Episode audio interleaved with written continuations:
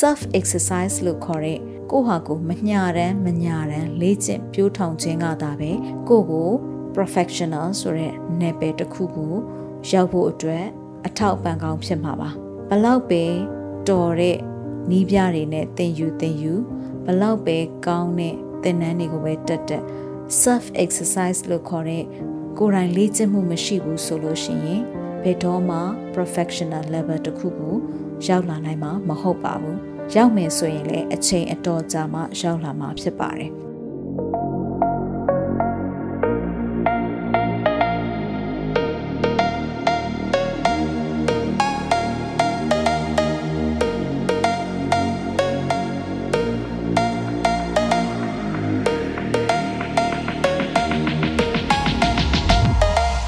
မင်္ဂလာပါရှင် ဒီအပတ်ရေရေမမောပေါပေါပပပေါ့ကတ်အစီအစဉ်ရဲ့တက်သစ္စလူငယ်ခန္ဓာကနေကြိုဆိုလိုက်ပါတယ်ကျမကတော့အစီအစဉ်တင်ဆက်သူຫນွေစာကြည့်စုဖြစ်ပါတယ် ပြီးခဲ့တဲ့စနေနေ့ည episode မှာတော့ကျမတို့ရဲ့ကျွမ်းကျင်ရာနယ်ပယ်အသီးသီးမှာကိုပိုင်အတန်တက်ဆက်မှုတွေဖန်တီးဖို့စိတ်အားထက်သန်ကြသူတွေနဲ့အများပြည်သူကိုအတန်နဲ့ဆက်သွဲဖို့ကြားခံနယ်ပယ်အဖြစ် podcast နီးပညာတွေကိုအသုံးချလို့သူမိတ်ဆွေတွေကိုခြေလန်းအစပြုနိုင်ဖို့ကျမအဓိကအချက်လေးအချို့ကိုဝေမျှပေးခဲ့ပါတယ်။အဲ့တော့ဒီအပတ်မှာတော့လူငယ်တွေကိုဦးစားပေးပြီးတော့ပြောပြပေးခြင်းတဲ့အကြောင်းအရာကတော့ ဒီ podcast တင်ဆက်ခြင်းကိုအနာဂတ်မှာမိမိရဲ့အလုပ်အကိုင်အခွင့်အလမ်းတစ်ခုအနေနဲ့ရည်ရွယ်ပြီးတော့ပဲဖြစ်ဖြစ်ဖန်တီးမှုနည်းပညာအသက်အဆန်းတစ်ခုအနေနဲ့သင်ယူတာပဲဖြစ်ဖြစ်ကိုယ့်ရဲ့ဝါသနာနဲ့ကိုက်ညီမကိုက်ညီဆိုတာကိုစမ်းစစ်နိုင်ဖို့အတွက်နီလန်းလေး၅ခုကိုဝေမျှပေးချင်တာဖြစ်ပါတယ်ဒီနီလန်းတွေကိုမပြောခင်မှာပြီးခဲ့တဲ့ episode မှာတော့ ကကျမတို့ကိုပိုင် podcast အစီအစဉ်တစ်ခုကိုဘယ်လိုအစပြုကြမလဲဆိုတာကိုအလွယ်ကူဆုံးနီလန်းအနေနဲ့စနိုင်အောင်ကျွန်မဝေမျှပေးခဲ့ပါတယ်။အဲဒီတော့ podcast ကိုအသုံးပြုပြီးတော့မှကိုယ်ပိုင်ဖန်တီးတင်ဆက်မှုတွေလုပ်ချင်ကြတဲ့လူငယ်တွေအနေနဲ့ပထမပိုင်းဖြစ်တဲ့ကိုယ်ပိုင် podcast ဘယ်လိုစကြမလဲဆိုတဲ့အပိုင်းကိုအရင်ဆုံးနားထောင်ကြည့်စီချင်ပါတယ်။ဒါမှသာလျှင်ဒီအပိုင်းမှာဆက်ပြောသွားမယ့်အကြောင်းအရာတွေကိုပို့ပြီးတော့မှနားလည်လာမှာဖြစ်ပါတယ်။ တော်တော်များများလူငယ်တွေကဒီနေ့ခေတ်မှာအတန်နဲ့ပြောဆိုတင်ဆက်ခြင်းကိုလည်းစိတ်ဝင်စားနဲ့လေ့လာလာကြတယ်။ပို့ပြီးတော့လည်းကိုယ့်ရဲ့ဖန်တီးမှုတွေမှာထည့်သွင်းအသုံးပြုဖို့အတွက်နီးလန်းရှာပြီးစူးစမ်းလာကြတယ်။ဥပမာအတန်နဲ့တင်ဆက်ရမှာ podcast လုပ်တဲ့အပိုင်းနဲ့မကဘဲနဲ့ဒီရှိပြီးသားရုပ်ရှင်ကားတွေမှာအနောက်ကနေပြီးတော့မှမူရင်းအတန်နဲ့အနည်းဆက်ဆုံးခန်းစားချက်တူညီအောင်လို့ လိုက်ဖက်အောင်ပြောဆိုပေးရတယ်အတန်ထပ်ပေးရတဲ့ voice over artist ဆိုတဲ့အတန်သရုပ်ဆောင်ခြင်းတွေရှိသလို animation လိုမျိုးကာတွန်းရုပ်ရှင်တွေမှာအတန်နဲ့သရုပ်ဆောင်ပေးရတဲ့အပိုင်းတွေလည်းရှိပါတယ်။ဒါအပြင်မှတ်တမ်းရုပ်ရှင်တွေမှာနောက်ခံဖွင့်ဆိုရှင်းပြခြင်းတွေပြောပြတဲ့ narrator လို့ခေါ်တဲ့စက်ကြောင်းပြောဆိုတင်ဆက်သူတွေအနေနဲ့လည်းအတန်နဲ့ပတ်သက်တဲ့အလုပ်အကင်အခွင့်အလမ်းတွေအများကြီးရှိလာတဲ့အတွက်ကြောင့်မို့လို့ ပို့ပြီးတော့မှအတန်တင်ဆက်ခြင်းကိုစိတ်ဝင်စားနဲ့လေ့လာလာကြတာကို တွေ့ရပါတယ်။ဒါပြင်တချို့သောနယ်ပယ်အသီးသီးကပညာရှင်တွေအနေနဲ့လည်းမိမိတို့ရဲ့ကျွမ်းကျင်မှုပညာရဲ့အသီးသီးကိုအများပြည်သူနဲ့ချိတ်ဆက်ဖို့အတွက်ဆိုရင် podcast အစီအစဉ်တွေဖန်တီးပြီးတော့မိမိတို့ရဲ့ဥတီပရိသတ်တွေနဲ့စူးစမ်းဆက်သွယ်လာကြတာကိုလည်းတွေ့ရပါတယ်။ အခုပြောသွားတဲ့အကြောင်းအရာတွေကအမျိုးမျိုးသောရည်ရွယ်ချက်တွေနဲ့အမျိုးမျိုးသောဖန်တီးမှုတွေလှုပ်ဆောင်နိုင်ဖို့အတွက်အမျိုးမျိုးသောအလုပ်ကိုင်ခွင့်လန်းတွေရရှိလာဖို့အတွက်စူးစမ်းပြီးတော့လေ့လာစီးပူးဖို့အားထုတ်လာကြတာကိုတွေ့ရပါတယ်။ဒီနေရာမှာကတော့အဓိကနှစ်ပိုင်းကိုပဲဦးတည်ပြီးတော့ပြောပြချင်ပါတယ်။ပထမတစ်ပိုင်းကအနာဂတ်အလောက်ကိုင်ခွင့်လန်းအတွက်ရည်ရွယ်ပြီးတော့ ဒီအတန်နဲ့တင်ဆက်ခြင်းတွေဖန်တီးခြင်းတွေကိုလေ့လာတဲ့သူတွေအတွက်ဖြစ်ပြီးတော့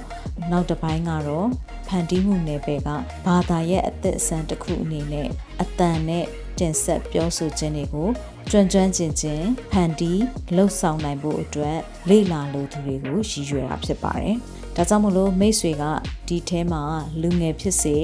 လူငယ်ထက်အသက်ကျော်နေတဲ့ကျွမ်းကျင်နယ်ပယ်မှာရောက်ရှိနေတဲ့ပုဂ္ဂိုလ်ပဲဖြစ်စေ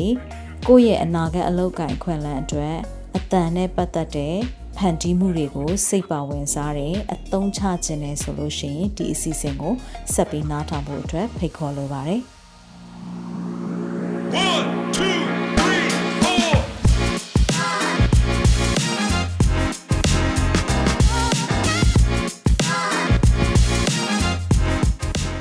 3လာပါရှင်ရေရေမုံမုံပို့ပို့ပပရဲ့ အပတ်စဉ်ပုတ်တူဟုနေ့မနေ့10နာရီတိုင်းတင်ဆက်နေကြဖြစ်တဲ့တက်သစ္စာလူငယ်ကဏ္ဍကနေကြိုဆိုလိုက်ပါရယ်ဒီ podcast ကတော့မြန်မာလူမှုနယ်ပယ်ကစိတ်အားတက်ကြွပွဲဇလန်းစုံကိုအများသူငါကိုမတန်ဆွမ်းမှုအသိပညာညှင့်တင်ပေးဖို့အတွက်လွတ်လပ်တဲ့တွေးခေါ်ဆင်ခြင်နိုင်မှုတွေနဲ့မျှဝေလိုကြသူတွေရဲ့အသံတွေကိုပြုစုပြောင်းထောင်ဖို့တည်ထောင်ထားခြင်းဖြစ်ပါတယ်။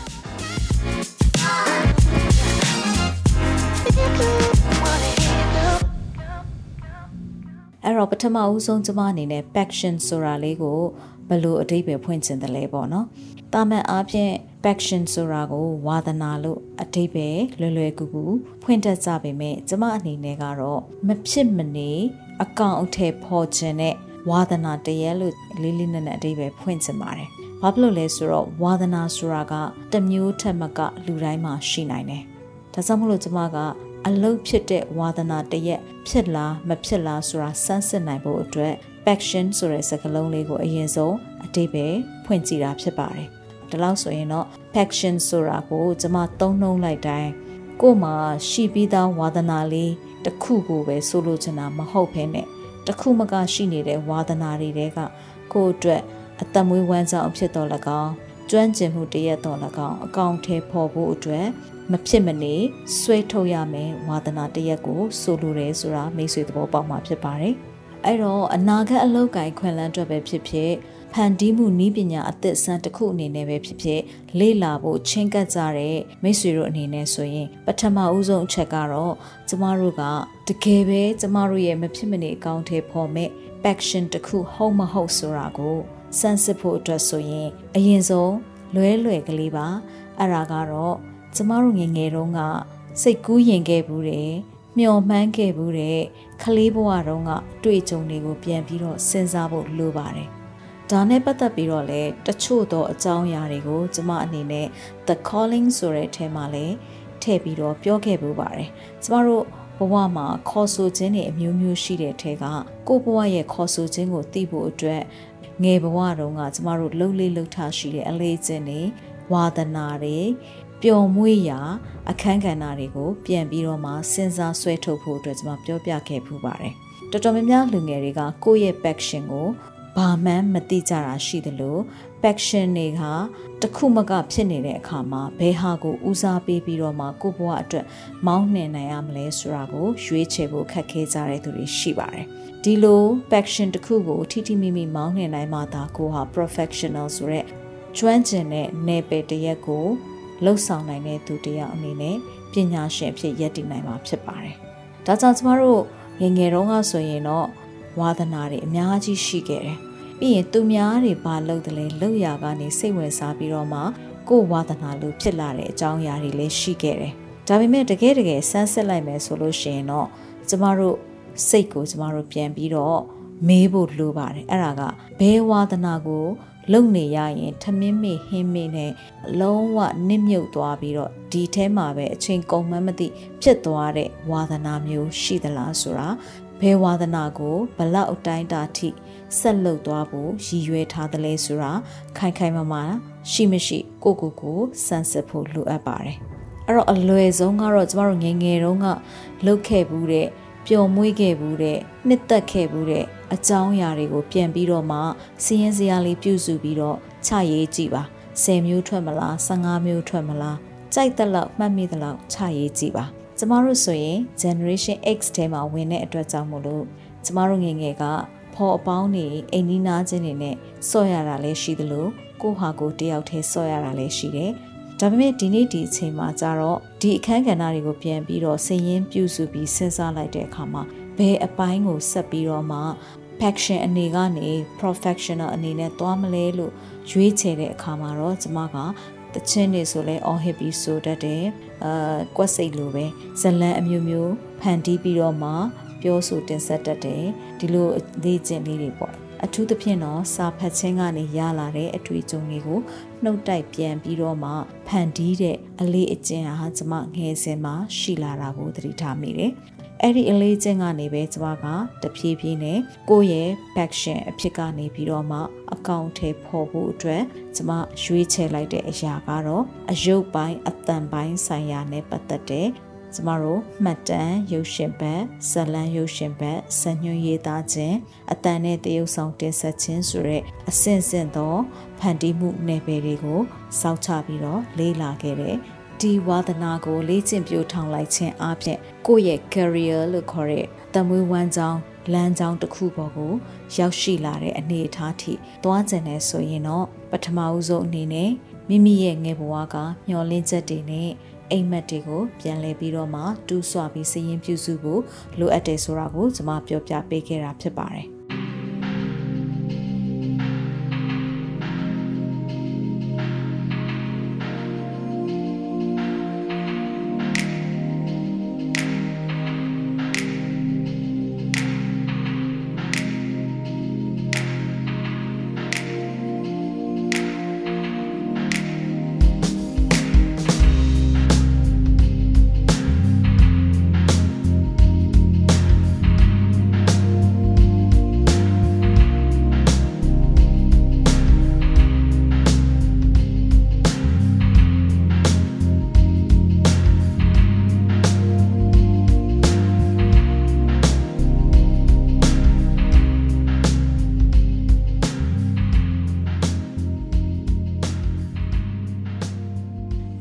ချက်အနေနဲ့ဆိုလို့ရှိရင်တော့ကျမတို့ရဲ့ကိုရေးကိုရာစံသတ်မှတ်ချက်တွေကိုဖော်ထုတ်ဖို့အတွက်ဖြစ်ပါတယ်။အဲ့တော့ဒါကို personal value လို့လည်းကျမတို့ပြောလို့ရတယ်ပေါ့နော်။အဲ့တော့ personal value လို့ဆိုတဲ့အခါမှာတနည်းအားဖြင့်ကျမတို့ဘဝအတွက်အရေးကြီးတယ်လို့ယူဆထားတဲ့အတွေးခေါ်တွေယုံကြည်ချက်တွေဒါတွေကိုကျမတို့ကတကိုးရေးတန်ဖိုးသတ်မှတ်ချက်လို့ဆိုလိုချင်တာဖြစ်ပါတယ် အဲ့တော့ကျမတို့ရဲ့တကူရေးစံသတ်မှတ်ချက်တွေကိုကျမတို့သိထားမှသာလျှင်ကျမတို့ဘယ်လိုအလုပ်အကင်မျိုးဘယ်လိုနယ်ပယ်မျိုးမှာရက်တည်မယ်ဘယ်လိုဆက်ဆံရေးမျိုးကိုတိဆောက်ခြင်းနဲ့ဘယ်လိုအလုပ်အကင်မျိုးမှာလုပ်ခြင်းနဲ့ဆိုတာတွေကိုကျမတို့တိတိပပသတ်မှတ်နိုင်မှာဖြစ်ပါတယ်။ဒါကြောင့်မို့လို့ personal value လို့ခေါ်တဲ့တကူရေးစံသတ်မှတ်ချက်ကိုကိုယ့်ဟာကိုယ်ပြန်စဉ်းစားဖော်ထုတ်ဖို့အတွက်အရေးကြီးပါတယ်။ဒါကြောင့်မို့လို့လေ အခုလိုမျိုးပြန်တွေးတောပြီးတော့ဖော်ထုတ်ဖို့အတွက်လိုအပ်တယ်ဆိုတာကိုပြောပြနေခြင်းဖြစ်ပါတယ်။အဲ့တော့မိတ်ဆွေကကိုယ့်ရဲ့စံသတ်မှတ်ချက်အနေနဲ့ကိုယ့်အတွက်မရှိမဖြစ်တန်ဖိုးတွေအနေနဲ့ကိုယ့်ရဲ့ယုံကြည်ချက်တွေကိုယ့်ရဲ့ခံယူချက်တွေကိုချရေးကြည့်ပါ။အနည်းဆုံး၅ခုလောက်ဖြစ်ဖြစ်ပေါ့နော်ချရေးကြည့်ပါ။အဲ့တော့ဒါမှမဟုတ်၅ခုထက်မကရေးတယ်ဆိုရင်လည်းအဲ့ဒီထဲကမှကိုဦးစားပေးပြီးတော့မှ ဆွဲထုတ်ခြင်းနဲ့၅ချက်လောက်ကိုမိတ်ဆွေဆွဲထုတ်ကြည့်လိုက်ပါအရေးအကြီးဆုံးလို့ခံယူသတ်မှတ်တဲ့အရာတွေ၅ချက်လောက်ရပြီဆိုလို့ရှိရင်မိတ်ဆွေကိုကိုပြန်ပြီးတော့မိကွန်းထုတ်လို့ရပါပြီအဲ့ဒါကတော့ဘာလဲဆိုလို့ရှင်ဒါတွေကနေပြီးတော့ကိုယ့်ရဲ့ career တစ်ခုအနေနဲ့အလုပ်အကင်ခွင့်လန်းထိသွားဖို့အတွက်ဆိုလို့ရှင်ဒါတွေဟာကိုယ့်ရဲ့တန်ဖိုးတွေဖြစ်နိုင်သလားဆိုတာကိုကိုလက်ရှိတွေးတောနေတဲ့ဖန်တီးမှုပညာရဲ့နဲ့နှိုင်းယှဉ်ပြီးတော့မှ ချိန်ထိုးသုံးသပ်လို့ရပါတယ်။ဥပမာဆိုပါစို့ကျမတို့ကကိုယ့်ရဲ့ရက်ရွာပတ်ဝန်းကျင်မှာရှိတဲ့တစုံတစ်ခုကိုပြောင်းလဲဖို့အတွက်ဆန္ဒရှိတဲ့သူတွေလားအဲ့လိုပြောင်းလဲဖို့ဆန္ဒရှိတယ်ဆိုလို့ရှိရင်ကျမတို့ကိုယ်တိုင်ကဘယ်အကြောင်းအရာပေါ်မှာပြဿနာလို့ထင်မြင်နေတာလဲကျမတို့ရဲ့တန်ဖိုးထားမှုကဘာလဲအဲ့ဒီဟာနဲ့ပတ်သက်ပြီးတော့မှကျမတို့ဘယ်လိုမျိုးပြောင်းလဲမလဲဆိုတာတွေကိုပြန်ပြီးတော့စဉ်းစားလို့ရတယ် ဒီလိုစဉ်းစားလိုက်ခြင်းအပြင်ကျမတို့ရဲ့စံသတ်မှတ်ချက်တွေဟာတကယ်ပဲကျမတို့အခုသင်ယူမဲ့ကျမတို့အခုအသုံးချမဲ့ podcast နဲ့ဘယ်လိုလိုက်ဖက်မှုရှိသလဲဆိုတာကို ပြန်ပြီးတော့မှချင့်ချိန်ကြည့်လို့ရတယ်အဲ့တော့ဥပမာကျမဆိုလို့ရှိရင်မတန်ဆွမ်းမှုနဲ့ပတ်သက်ပြီးတော့မှမတန်ဆွမ်းလူငယ်တွေကိုဖန်တီးမှုပညာရက်တွေကိုတက်စေခြင်းတယ်။ဘာကြောင့်လဲဆိုတော့မတန်ဆွမ်းသူတွေကိုဖျော်ဖြေရေးခန္ဓာတွေ တော်တော်များများမှာဟာတာပြုတ်လုခြင်းကိုပြဿနာတရက်အနေနဲ့ခံစားရတဲ့အတွက်မတန်ဆွမ်းသူတွေကိုယ်တိုင်ဖန်တီးသူတွေအဖြစ်နဲ့ပြန်ပြီးတော့မှအတန်တွေဖော်ထုတ်နိုင်ဖို့အတွက်ကျမရဲ့လူမှုပတ်ဝန်းကျင်အတိုင်းဝိုင်းကို ပြောင်းလဲခြင်းနဲ့စိတ်ဆန္ဒတစ်ခုနဲ့ဒီ podcast ကိုကျမကအသုံးချခဲ့တာဖြစ်ပါတယ်။အဲ့တော့ကျမရဲ့စံသတ်မှတ်ချက်ကဒီအပေါ်မှာဘာတွေရှိနေလဲဆိုလို့ရှိရင်တော့ကျမခွဲခြားဆက်ဆံခြင်းကို မနှိမ့်ညို့ဘူးမတန်ဆွမ်းသူတွေဟာလည်းလူသားတွေကလူတွေအဖြစ်နဲ့မြင်စေခြင်းနဲ့မတန်ဆွမ်းသူတွေဟာလည်းဖန်တီးမှုတွေနဲ့ပတ်သက်ပြီးတော့မှသင်ယူလေ့လာပြီးတော့ကိုယ်တိုင်လုံနိုင်တယ်ဆိုတော့အစွမ်းစားတွေကိုဖော်ထုတ်ခြင်းနဲ့ဒါကြောင့်မို့လို့ကျမရဲ့တန်ဖိုးထားမှုတွေနဲ့ကိုက်ညီတဲ့ဖန်တီးမှုတွေလုပ်ဖို့အတွက် podcast ကိုရွေးချယ်ခဲ့တာဖြစ်တယ်။ဒါဟာနမူနာအနေနဲ့ပြောပြတာဖြစ်တဲ့အတွက်မိတ်ဆွေတို့အနေနဲ့အခုလိုမျိုး အသုံးချလိုတဲ့ရည်ရွယ်ချက်ဒါမှမဟုတ်အကြောင်းအရာကိုပြန်ဆန်းစစ်ပြီးတော့မှကိုယ့်ရဲ့တန်ဖိုးထားမှုတွေကိုလည်းကိုကသိထားမှသာလျှင်ဒီအလုပ်ခါကိုနဲ့ရေရှည်မှာအန်ကိုက်မကိုက်ကိုဖြစ်ချင်တဲ့ကိုတန်ဖိုးထားတဲ့တကိုရေစံသတ်မှတ်ချက်တွေနဲ့လိုက်ဖက်လားဆိုတာကိုသိဖို့အတွက်အရေးကြီးပါတယ်။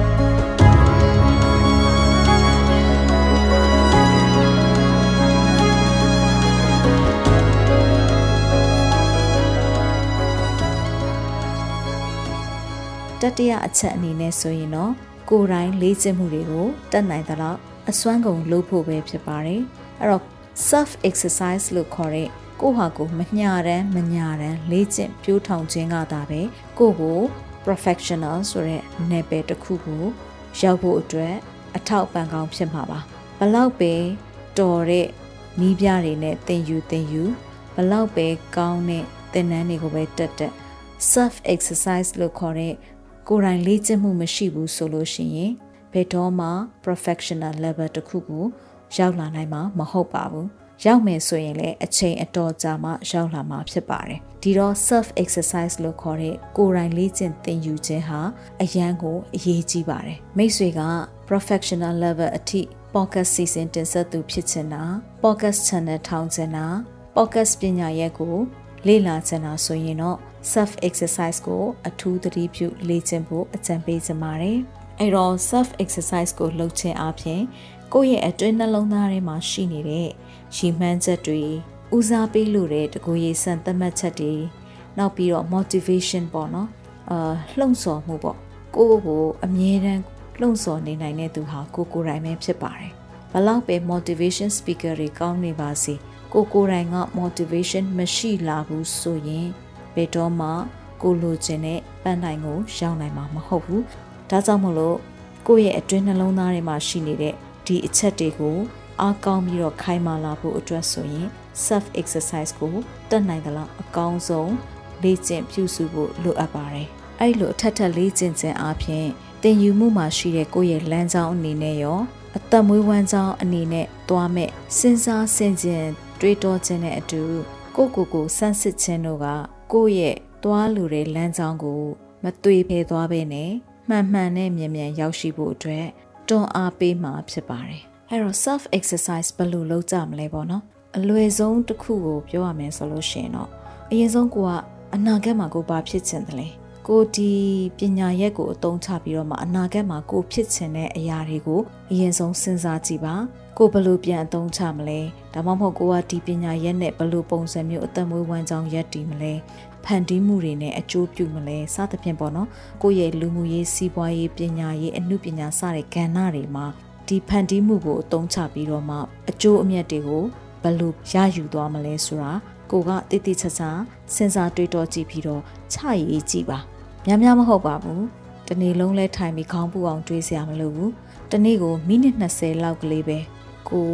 အချက်ကလေးတွေထုတ်ပြီးတော့မှရေးကြည့်ပါဒီအချက်ကလေးတွေကကိုကိုမီးစိမ်းပြနေသလားမီးနီပြနေသလားမီးဝါပြနေသလားဆိုတာကိုကိုကိုစမ်းစစ်နိုင်ဖို့အတွက်ပဲဖြစ်ပါတယ်အဲ့တော့ဒီလိုမျိုးတနေ့တည်းမဟုတ်ဘဲနဲ့တနေ့ကိုမိနစ်20 15မိနစ်လောက်ကလေးပဲဖြစ်ဖြစ်ကိုတွေးတောပြီးတော့မှဖြတ်ခနဲရလာတဲ့ idea လေးတွေအချက်ပြစနစ်ကလေးတွေကိုကျမတို့ ထည့်ပြီးတော့ရေးထားမယ်ဆိုလို့ရှိရင်နှစ်ရက်သုံးရက်လောက်နေတဲ့အခါမှာတော်တော်လေးစုမိသွားလိမ့်မယ်အဲ့ဒီကြောင့်လို့ရှိရင်ပြန်ဖတ်ပြီးတော့မှဘယ်ဟာကအလုပ်ဖြစ်နိုင်လဲဘယ်ဟာကအလုံးမဖြစ်နိုင်ဘူးလဲဆိုတာကိုစောစောတော့လို့မီးစိမ့်မီးနီမီးဝါလေးနဲ့ကိုဟာကိုပြန်ပြီးတော့ရွေးချယ်ကြည့်ပါဒါဆိုလို့ရှိရင်ပို့ပြီးတော့မှအားကောင်းတဲ့မီးစိမ်းလေးတွေကစပြီးတော့မှလှုပ်ဖို့အတွက်အဆင်ပြေနေမဲ့အရာလေးတွေဆိုတာကိုရှာတွေ့လာလိမ့်မယ် အဲ့ဒါကလည်းအရန်ရေးကြည့်တဲ့အချက်ဖြစ်တယ်ပေါ့နော်အာကျမဆိုလို့ရှိရင်လည်းချပြီးအဲတနေ့နည်းနည်းနည်းနည်းနဲ့ပေါ့နော်ကျမဆိုတစ်ပတ်လောက်အထိစဉ်းစားဘူးတယ်ဆိုတော့ဒီ podcast မလုပ်ခင်မှာစိတ်ထဲမှာတော့ဒီ podcast ကဏ္ဍကြီးကတရေတဲနေပြီဒါပေမဲ့ဒါကိုအကောင့်ထဲပေါ်ဖို့အတွက်ဆိုလို့ရှိရင်ကျမမှာစိုးရိမ်တဲ့အချက်တွေရှိတယ်အဲလေ့ကျင့်ဖို့အတွက်လိုအပ်နေတဲ့အရာတွေကိုစပြီးတော့စဉ်းစားမိတယ်ပြီးလို့ရှိရင် လက်တွဲပေါ်ကောင်းပေါ့နော်အထူးသဖြင့်တော့ကျမတို့ဒီ partners တွေဘယ်လိုရှာမလဲပြီးရင်ဘယ်လိုမျိုး channel တွေကနေလွှဲမလဲဒါတွေလုပ်ဖို့အတွက်ကို့မှာဘယ်လိုမျိုးအတွေ့အကြုံအသိပညာတွေရှိနေတယ်လဲဆိုတာတွေကိုကျမအကုန်ချရေးတယ်ပြီးလို့ရှိရင်အဲ့ဒါတွေကနေပြီးတော့မှကိုဘယ်လိုဒါကိုအကောင်းဆုံးဖြစ်အောင်အကွက်ချပြီးတော့အချိန်ပေးမလဲပေါ့နော်ဒါတွေကစကျမထည့်ပြီးတော့စဉ်းစားပြီးတော့ရေးတဲ့အခါမှာနောက်ဆုံးမှာတော့ကျမအတွက်တကယ်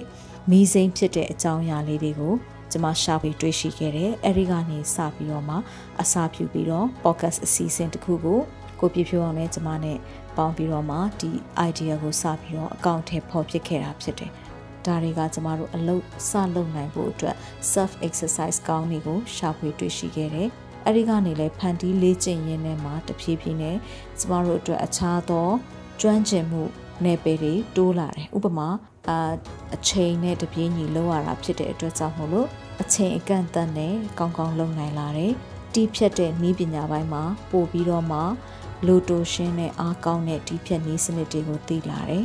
ပြီးလို့ရှိရင်ကျမတို့ရဲ့ဖန်တီးမှုတွေကို channel တစ်ခုမှကထုတ်လုပ်နိုင်ဖို့အတွက်လည်းနီးလန်းတွေကိုသိလာတယ်စသဖြင့်ပေါ့နော်ဒါတွေကကျမတို့တကယ်အလုပ်လုပ်ရင်းနဲ့မှာ self exercise တွေကနေထပ်ရလာတဲ့အကျိုးကျေးဇူးတွေပဲဖြစ်ပါတယ်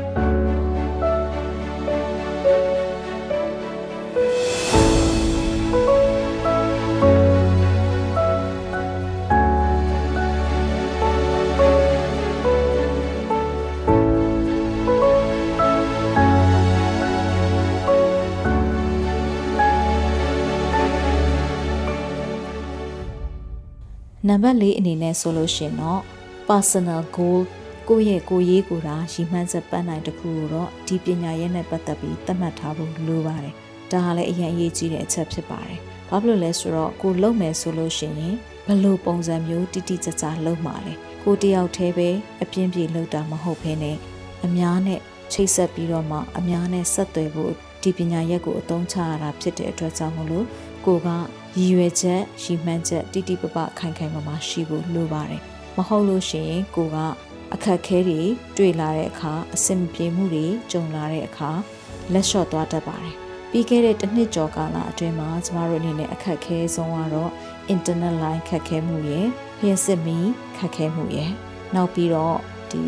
တင်ဆက်သူချိတ်ဆက်ရတဲ့အပိုင်းပေါ့နော်ပြီးလို့ရှင်သူ့ရဲ့အားသာချက်ကိုယ့်ရဲ့အားသာချက်တွေနဲ့ပေါင်းစပ်ပြီး program အသစ်ဖန်တီးမှုအပိုင်းတွေမှာစိန်ခေါ်မှုတွေအများကြီးရှိတယ်။ဒါပေမဲ့လည်းကျမတို့ဒီနေ့ဒီချိန်ထိမရက်တန့်သွားဘဲနဲ့ဆက်ပြီးတော့ထုတ်လုပ်နေနိုင်တာက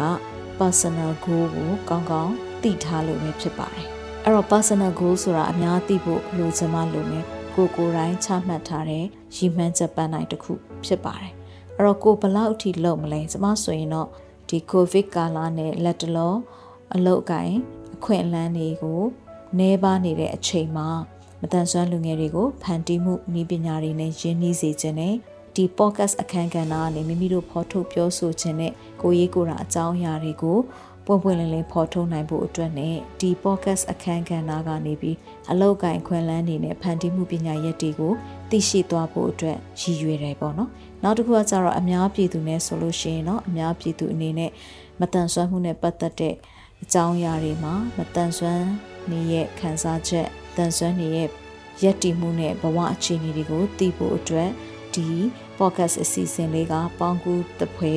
ပြုလုပ်ပေးမယ်လို့ကျွန်မယုံကြည်တဲ့အတွက်ကြောင့်မို့လို့ဒါကတော့နမူနာအနေနဲ့ပြောပြတာပေါ့ဒီလိုမျိုး personal goal တွေနဲ့ကျွန်တော်တို့အစပြုနိုင်ခဲ့တာဖြစ်ပါတယ်ဒီနေ့ဒီချိန်ထိလည်းအဲ့ဒီ personal goal တွေကိုခိုင်မာဖို့အတွက်အပတ်စဉ် program တွေကိုကောင်းမွန်စွာ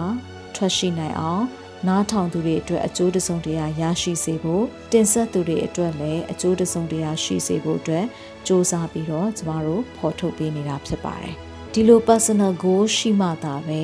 ကျမတို့ကဒီလိုမျိုးကိုရေးကိုတာရည်မှန်းချက်သတ်မှတ်ချက်တစ်ခုထားလိုက်မှပဲကျမတို့ပုံမှန်ပေါ့နော်ဘယ်လိုပုံစံမျိုးထုတ်နိုင်မလဲဆိုတာကိုကျမတို့ဆုံးဖြတ်လာနိုင်တယ် အစတော့ကတော့လက်နိုင်ချေနိုင်တပတ်တပုတ်ပဲပေါ့နော်တပတ်တပုတ်ကနေစူးစမ်းပြီးတော့ကိုယ့်ကိုယ်ကိုလည်း push လုပ်တယ်ပေါ့တွန်းအားပေးတယ်အဲ့ဒါပါလဲဆိုတော့တပတ်ကိုနှစ်ပုတ်အထိလုပ်ကြည့်မယ်လူငယ်ကဏ္ဍတစ်ခုပုံမှန်သွားတဲ့ကဏ္ဍတစ်ခုဒီလိုနှစ်ခုနဲ့သွားကြည့်မယ်ဆိုတဲ့ပုံစံမျိုးနဲ့ကျမတို့ဖန်တီးတဲ့အခါမှာတကယ်ပဲကိုယ့်ရဲ့ဖန်တီးမှုအစွမ်းအစတွေတိုးတက်လာတဲ့အပြင်လုပ်ငန်းအတွေ့အကြုံတွေကတစ်နေ့ထက်တစ်နေ့တစ်ပတ်နဲ့တစ်ပတ်မယိုးရအောင်အသက်ဆန်းတွေကိုသင်ယူရရှိတယ်။ ဒါဟာကျမတို့ငွေနဲ့ဝယ်လို့မရတဲ့အတွေ့အကြုံကောင်းတွေဖြစ်တယ်။ဒီအတွေ့အကြုံကောင်းတွေကနေကျမတို့တွေရဲ့ရည်ရွယ်ချက်ကိုပို့ပြီးတော့ခိုင်မာအောင်ပို့ပြီးတော့အထောက်ပံ့ကောင်းဖြစ်အောင်ဘယ်လိုပုံစံမျိုးအကောင်းဆုံးလုပ်မလဲဆိုတာကိုနီလန်းရှာတတ်လာတဲ့အဲ့ဒီနီလန်းတွေအပြင်လည်းကျမတို့တွေရင်ဆိုင်ကြုံတွေ့လာရတဲ့အခက်အခဲတွေကိုတဖြည်းဖြည်းနဲ့ကြောလွှားလွန်မြောက်လာခဲ့ပါတယ်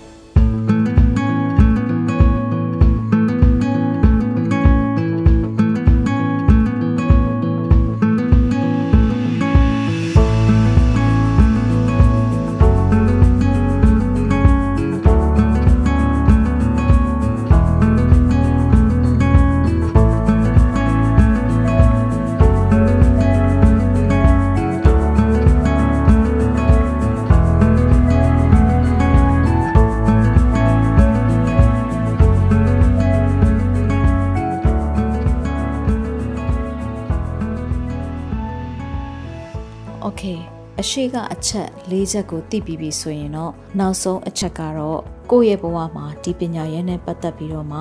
နီးပြခေါင်းစီမှာစီးပူးဖို့အတွက်လိုအပ်ပါတယ်ဒီအချက်ကလည်းမငင်းနိုင်တဲ့အချက်ပါပဲခုခေတ်မှာတော့ဘာသာစကားအားကောင်းတဲ့သူတွေကတော့ကိုယ်တိုင် self study လုပ်နိုင်တဲ့အထူးသဖြင့် YouTube channel မှာတွားပြီးတော့လေ့လာလို့ရတယ်။ဒါပေမဲ့လည်း beginner level ကနေစပြီးတော့မှစနစ်တကျစောင့်ချလေ့လာခြင်းနဲ့ဆိုရင်တော့ ဆရာကောင်းတမကောင်းတယောက်စီမှာနီးနာကိုတည်တည်ချာချာလေ့လာပြီးတော့မှလေ့ကျင့်စူးစမ်းဖို့အတွက်လိုအပ်ပါတယ်ဒီတော့ကိုယ့်ရဲ့ mentor လို့ပဲပြောပြော leader လို့ပဲပြောပြောဒီဖန်တီးမှုမှာအတွေ့အကြုံရှိတဲ့သူတယောက်ရဲ့ဥဆောင်လမ်းပြမှုကအရေးကြီးပါတယ်ကျမတို့စီမှာဆိုရင် intern လို့ခေါ်တဲ့အလုပ်သင်တွေကိုပဲဖြစ်စေ talent လို့ခေါ်တဲ့စွမ်းရည်ရှင်တွေကိုပဲဖြစ်စေကျမတို့လေ့ကျင့်သင်ကြားပေးတဲ့အခါမှာ သူတို့ရဲ့မီဒီယာပိုင်းဆိုင်ရာအတွေ့အကြုံရှိခြင်းမရှိခြင်းပေါ်မှာမူမတီပဲနဲ့သူတို့ရဲ့စပြီးတော့မှအခြေခံကနေသင်ယူလိုတဲ့စိတ်ရှိခြင်းမရှိခြင်းပေါ်မှာပဲမူတည်ပြီးတော့ကျမတို့လေ့ကျင့်သင်ကြားပေးခဲ့တာဖြစ်ပါတယ်။အဲ့တော့နီးပြကောင်းတဲ့လေ့ကျင့်သင်ကြားခြင်းရဲ့အကျိုးကျေးဇူးကအခြေခံပိုင်နိုင်မယ်ကိုယ့်ရဲ့ passion လို့ခေါ်တဲ့ဝါသနာကိုကိုယ့်ရဲ့ goal လို့ခေါ်တဲ့ရည်မှန်းချက်ပန်းတိုင်စီရောက်အောင် တွားဖို့အတွက်မောင်းနှင်ပေးတဲ့ရင်တစည်းလိုပဲဒီလိုမျိုးနီးပြနဲ့အတူလက်တွဲလေ့ကျင့်မှုပါအကျိုးကျေးဇူးများတာဖြစ်တယ်လို့အချိန်ကုန်လူပင်ပန်းသက်သာစေတာဖြစ်ပါတယ်။ဘာလို့လဲဆိုတော့ YouTube မှာရှိတဲ့ဗီဒီယိုတွေတော်တော်များများက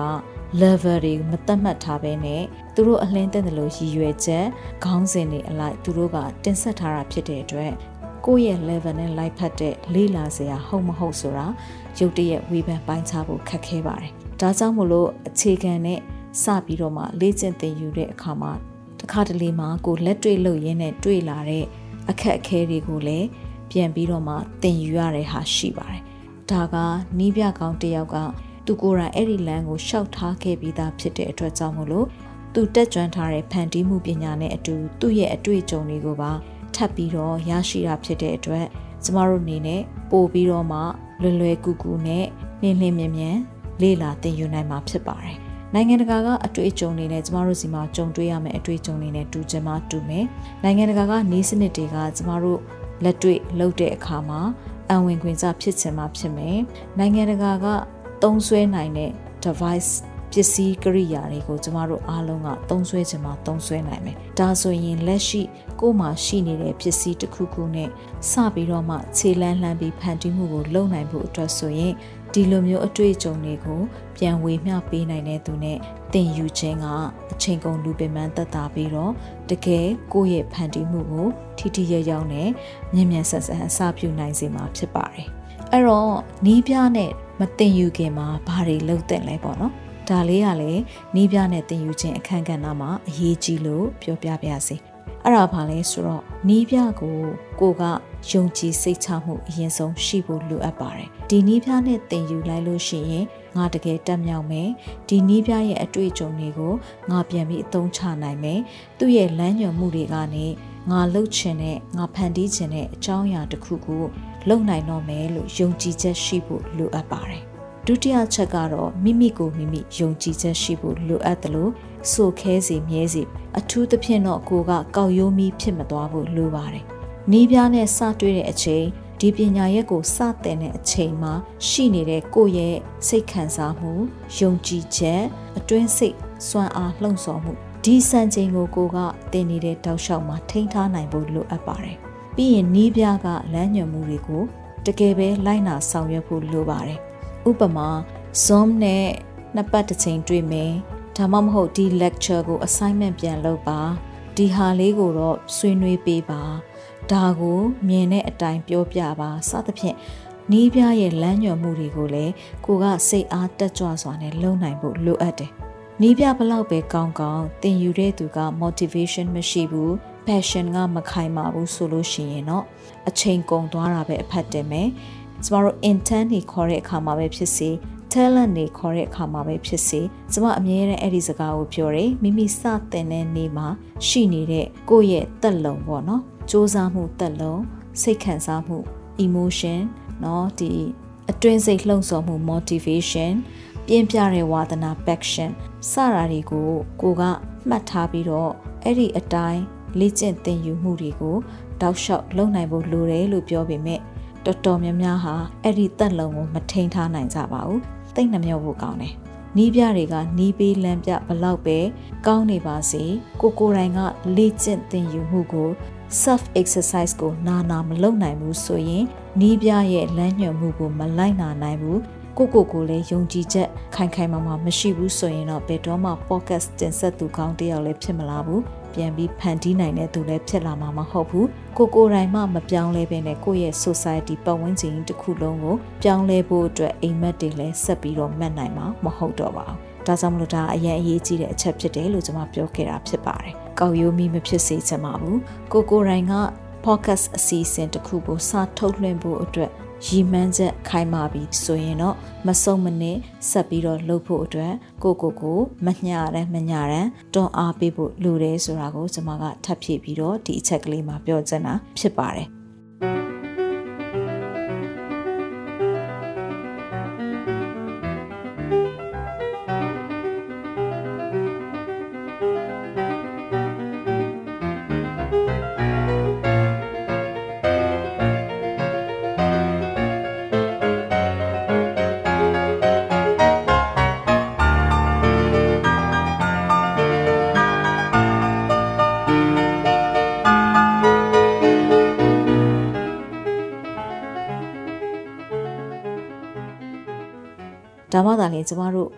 ဥတီတဲ့ခန်းကဏ္ဍတွေကျမတို့ဖန်တီးဖော်ထုတ်ခြင်းတဲ့အကြောင်းအရာတွေဟာကျမတို့မဝေးတော့တဲ့တနေ့မှာကိုယ်တိုင်ကိုယ်ကြ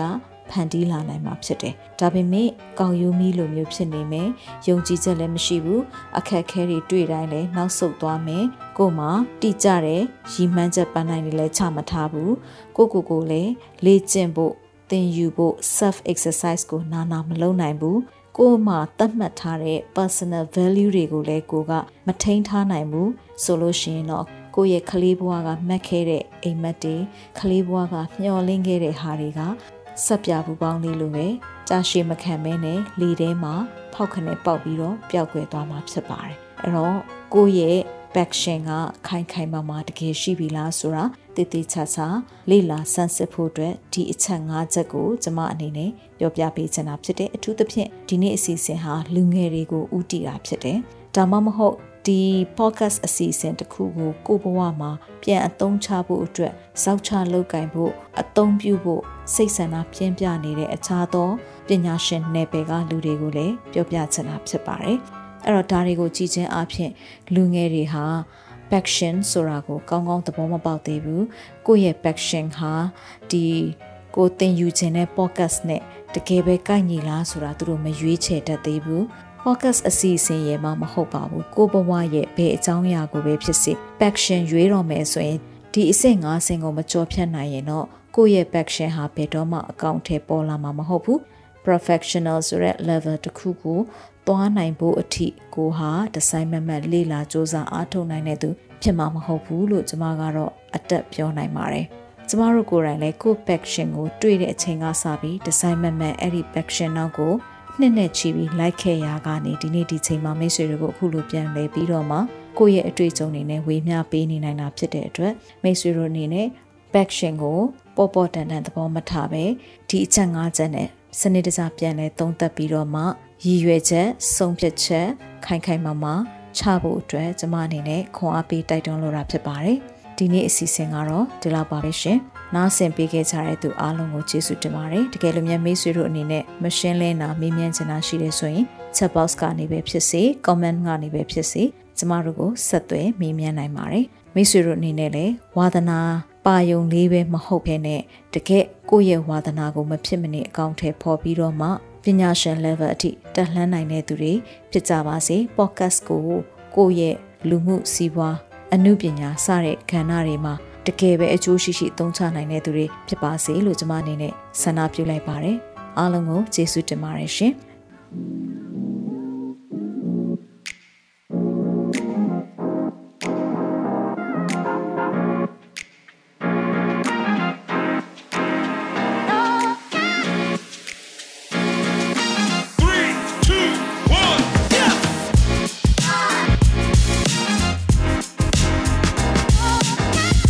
မတို့ရဲ့ရေရေမမောပေါပေါပပ podcast အစီအစဉ်မှာအလုပ်တင်ဖြစ်ဖန်တီးမှုမျိုးစုံကိုလက်စွမ်းပြလှုပ်ဆောင်ဖို့စိတ်ပါဝင်စားသူများအနေနဲ့ Google Form ကနေပြီးတော့မှမိမိတို့ရဲ့မှတ်ပုံတင်ရှင်းနှောင်းနဲ့အလှတက်ပုံတစ်ပုံအပြင်နမူနာလက်ရာတစ်ခုနဲ့အတူအမြင့်ဆုံးရှောက်ထားဖို့ဖိတ်ခေါ်လိုက်ပါတယ်။နောက်ပတ်ဗုဒ္ဓဟူးနေ့မနက်10:00နာရီမှာပြန်ဆုံကြရအောင်နော်။ Yo